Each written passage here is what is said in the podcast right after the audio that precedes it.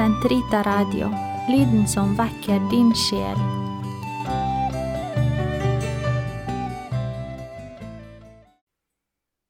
Hei, og velkommen til Katolsk i hodet, episode fire, argumenter for og imot Gud. Mitt navn er Øyvind Evenstad, og dette er programmet med et katolsk verdenssyn basert på tro og fornuft. I en tidligere episode, episode to, snakka jeg om apologetikk eller trosforsvar.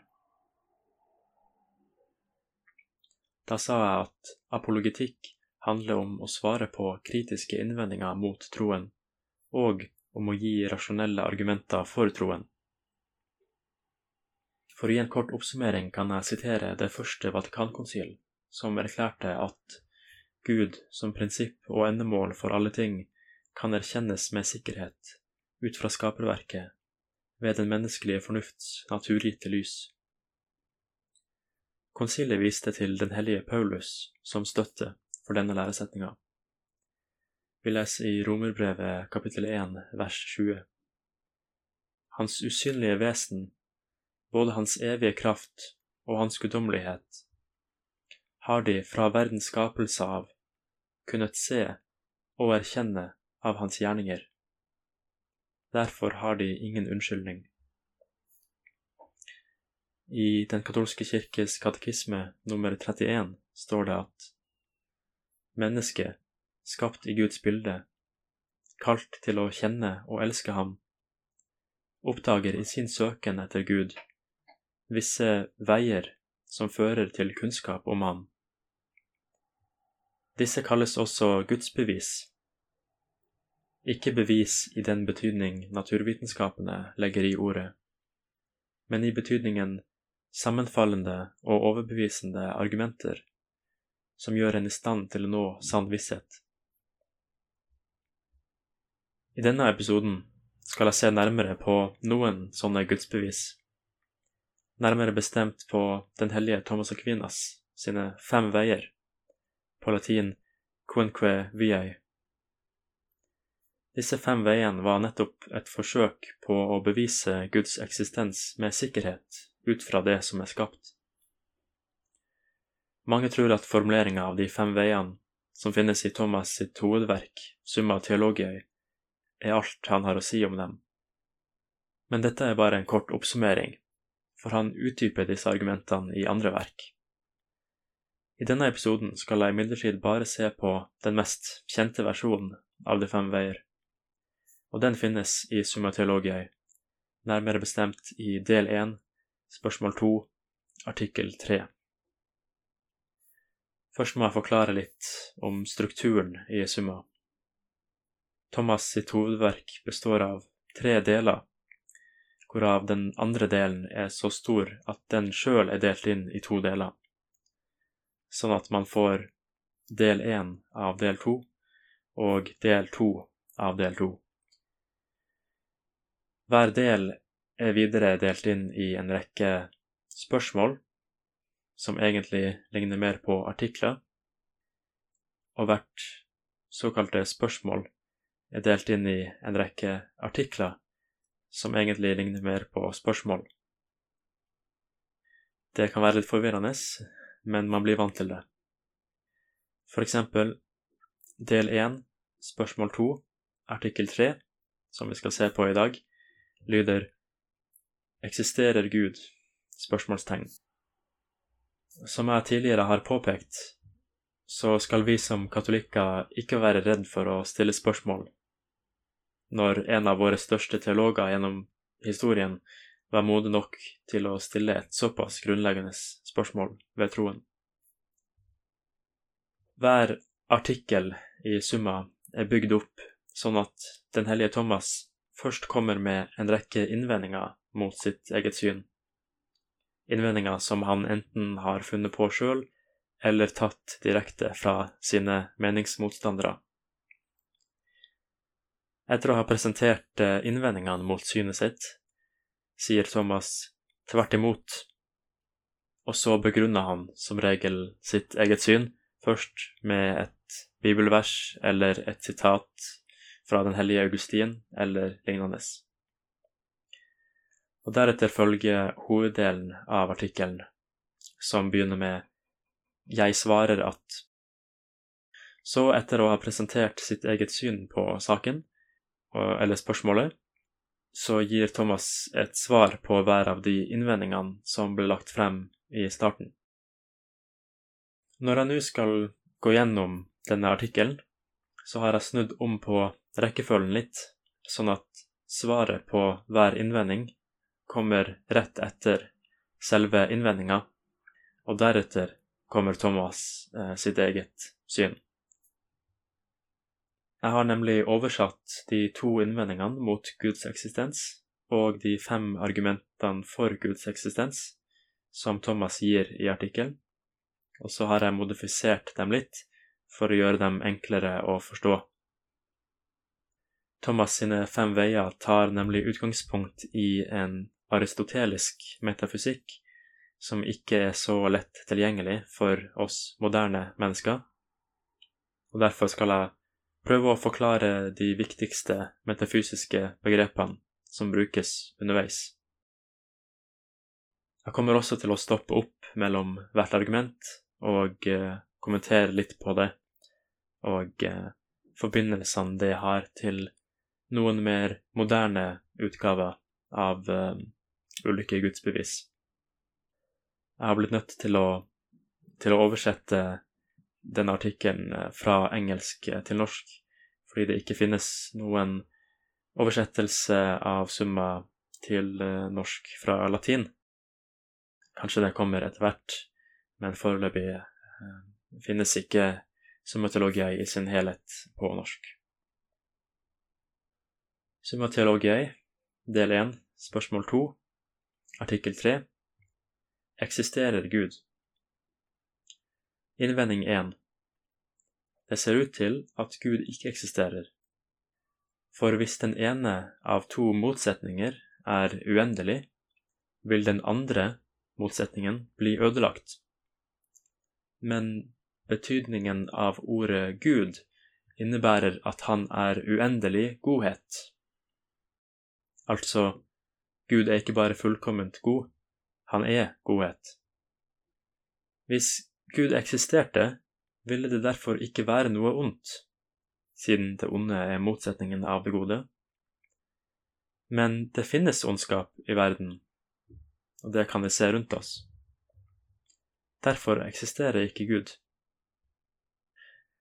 Dette eh, vil kanskje noen av lytterne kjenne igjen som en variant av det som kalles det ondes problem.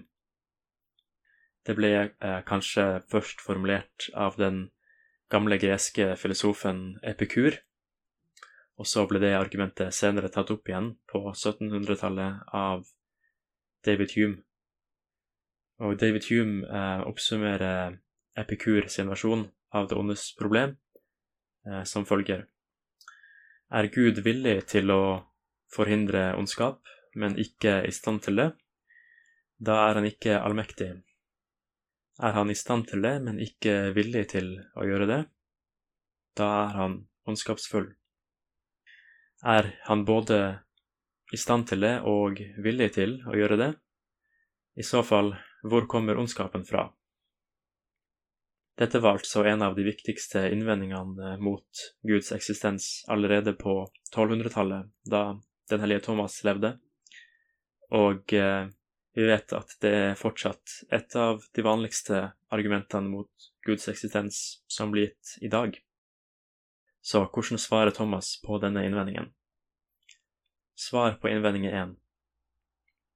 Som den hellige Augustin sier, siden Gud er det høyeste gode, ville han ikke tillate at noe ondt eksisterte i hans verk, altså skaperverket, med mindre hans allmakt og godhet var slik at de kunne bringe noe godt selv ut av det onde.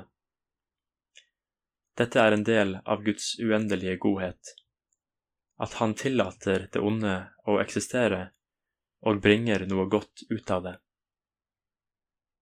Dette er altså et svar på det ondes problem. Og det forsøker å gi eh, noe som kalles en teodicé, eller en rettferdiggjørelse av Gud. Det vil si en grunn til at Gud tillater det onde å eksistere i verden. Og eh, den mest vanlige grunn som blir gitt til det, som blir gitt av både Augustin og Thomas, som vi ser, er at Gud er i stand til å bringe noe godt, kanskje til og med et større gode, ut av det onde som eksisterer i verden. Innvending to. Det er ikke nødvendig å anta at det som kan bli redegjort for ved hjelp av noen få prinsipper, har blitt frembrakt av mange, men det ser ut til at alt vi ser i verden, kan bli redegjort for ved hjelp av andre prinsipper enn Gud, hvis man antar at Gud ikke eksisterer. Alle naturlige ting kan nemlig bli redusert til ett prinsipp, som er naturen, og alle frivillige ting kan bli redusert til et annet prinsipp, som er menneskelig fornuft eller vilje. Derfor er det ikke nødvendig å anta at Gud eksisterer. Du vil kanskje kjenne igjen en moderne variant av dette argumentet, som går slik at vitenskapen, den moderne naturvitenskapen, er i stand til å forklare alle ting og fenomener i universet, og derfor eh, er det ikke nødvendig å eh, tro at Gud eksisterer. Eh, noe som kalles Occams razor, eller eh, barberkniv på norsk, sier at eh, den enkleste forklaringen er alltid eh, bedre enn en mer avansert forklaring. Og eh, hvis vi er i stand til å forklare alt i universet ved hjelp av vitenskapen, så trenger vi ikke å anta at Gud eksisterer. Men legg merke til konklusjonen av dette argumentet. Det er ikke nødvendig å anta at Gud eksisterer. Men dette er egentlig ikke et argument mot Guds eksistens i streng forstand. Argumentet konkluderer ikke med at Gud ikke eksisterer, men med at Gud ikke nødvendigvis eksisterer. Det kan jo hende at Gud eh, likevel eksisterer, sjøl om det ikke er nødvendig å anta det men vi skal også se på svaret som Thomas gir til denne innvendinga.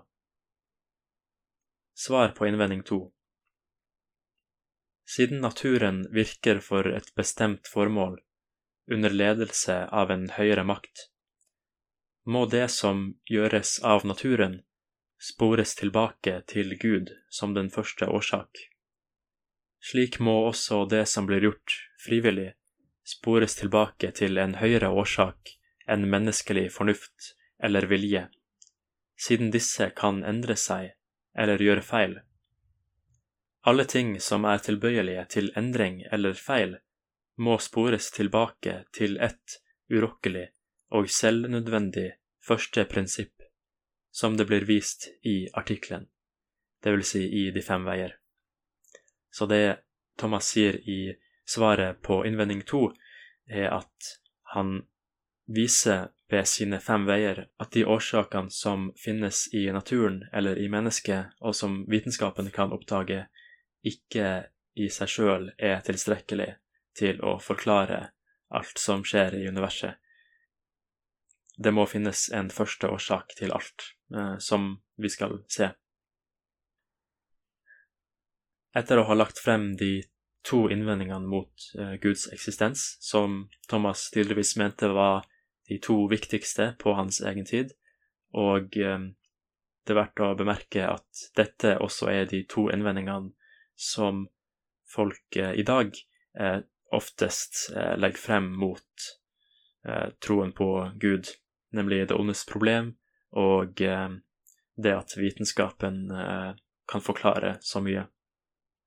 Men etter å ha lagt frem disse to innvendingene, sier Thomas tvert imot Gud sier, Jeg er den jeg er, fra Andre Mosebok, kapittel 3, vers 14. Jeg svarer at Guds eksistens kan bevises på fem måter. Så følger den første vei, som kalles argumentet fra bevegelse i verden. Eh, jeg har valgt å kalle det argumentet for endring i verden, eh, og jeg skal forklare hvorfor snart. Det er åpenbart for sansene våre at det skjer endringer rundt oss hele tiden. Endring skjer ved at potensialet en ting har til å være annerledes, blir virkeliggjort. Flytende vann endrer seg eksempel når det fryser til is, det vil si når vannets potensial til å være is blir virkeliggjort. Et slikt potensial kan imidlertid ikke virkeliggjøre seg sjøl, men må bli virkeliggjort av noe eller noen utenfor seg sjøl. Thomas sitt eksempel er vedens potensial til å være varm, som først blir virkeliggjort av ilden. Ilden er virkelig varm allerede, ikke bare potensielt varm, og det vet alle som har holdt eh, hånda si over et bål. Thomas bruker ordet bevegelse for å beskrive all endring overhodet, ikke bare endring fra sted til sted. Han vil si at når potensialet til en ting blir virkeliggjort, blir potensialet bevega fra potensialet til virkelighet. Det eller den som virkeliggjør et potensial, blir derfor omtalt som en beveger. Ilden er eksempel en beveger i forhold til potensialet i veden, som blir bevega. Det er umulig for én ting å være både potensiell og virkeliggjort på samme måte og på samme tid. For det som er virkelig varmt, kan ikke samtidig være potensielt varmt. Hvis det er virkelig varmt, så er det potensielt kaldt. Derfor er det umulig for én ting å være både beveger og bli bevega på samme måte og på samme tid. Det vil si, det er umulig for en ting å virkeliggjøre sitt eget potensial. Enhver ting som er i bevegelse eller endring, må altså bli satt i bevegelse av en annen ting. Hvis bevegeren sjøl er i bevegelse, må også den bli satt i bevegelse av en annen ting, og denne av en annen ting igjen. Men dette kan ikke fortsette i det uendelige, for da ville det ikke ha vært noen første beveger, og dermed heller ingen andre bevegere. Påfølgende bevegere beveger seg kun i den grad de blir satt i bevegelse av den første beveger. På samme måte som en stokk beveger seg kun fordi den blir satt i bevegelse av en hann. Derfor er det nødvendig å konkludere med en første beveger som ikke blir satt i bevegelse av noen andre, og dette kaller vi Gud. Den andre vei argumentet fra bevirkende årsaker. Thomas overtok læren om de fire årsaker fra Aristoteles. Aristoteles mente at det finnes fire slags årsaker i naturen. 1 stofflige årsaker. To formale årsaker. Tre bevirkende årsaker. Og fire formålsårsaker. Her skal vi bare fokusere på bevirkende årsaker. En bevirkende årsak er det som bevirker en annen ting, slik en menneskelig skulptør er årsaken til en statue, og statuen er en virkning av skulptøren. Vi ser at det finnes en orden av bevirkende årsaker og virkninger i verden rundt oss, og det finnes ikke noe kjent tilfelle der en ting har vist seg å være sin egen bevirkende årsak, for eksempel at en mann har vært sin egen far. Da ville han nemlig ha eksistert før seg sjøl, noe som er umulig. Bevirkende årsaker kan ikke fortsette i det uendelige, for med alle bevirkende årsaker som følger etter hverandre, er det sånn at den første er årsaken til den som ligger mellom, og den som ligger mellom er årsaken til den siste virkninga, enten det er flere årsaker som ligger mellom, eller bare én. Å ta bort årsaken er det samme som å ta bort virkninga. Så hvis det ikke er noen første årsak til de bevirkende årsakene, så er det heller ikke noen siste virkning, eller noe som ligger mellom. Hvis bevirkende årsaker hadde fortsatt i det uendelige, ville det ikke ha vært noen første årsak, og derfor ingen virkninger. Men dette er åpenbart usant, for vi ser virkninger rundt oss hele tida. Derfor er det nødvendig å konkludere med at det er en første bevirkende årsak, og dette kaller vi Gud. Dette argumentet, den andre vei, eh, kan minne veldig mye om eh, moderne argumenter for Guds eksistens som går under kategorien det kosmologiske argument. Jeg har allerede nevnt en forenkla versjon av dette argumentet som kalles det kosmologiske kalam-argumentet, og som brukes av den amerikanske filosofen og kristne apologeten William Lane Craig. Det argumentet går som følger. 1. Alt som begynner å eksistere, har en årsak. 2. Universet begynte å eksistere. 3. Derfor har universet en årsak.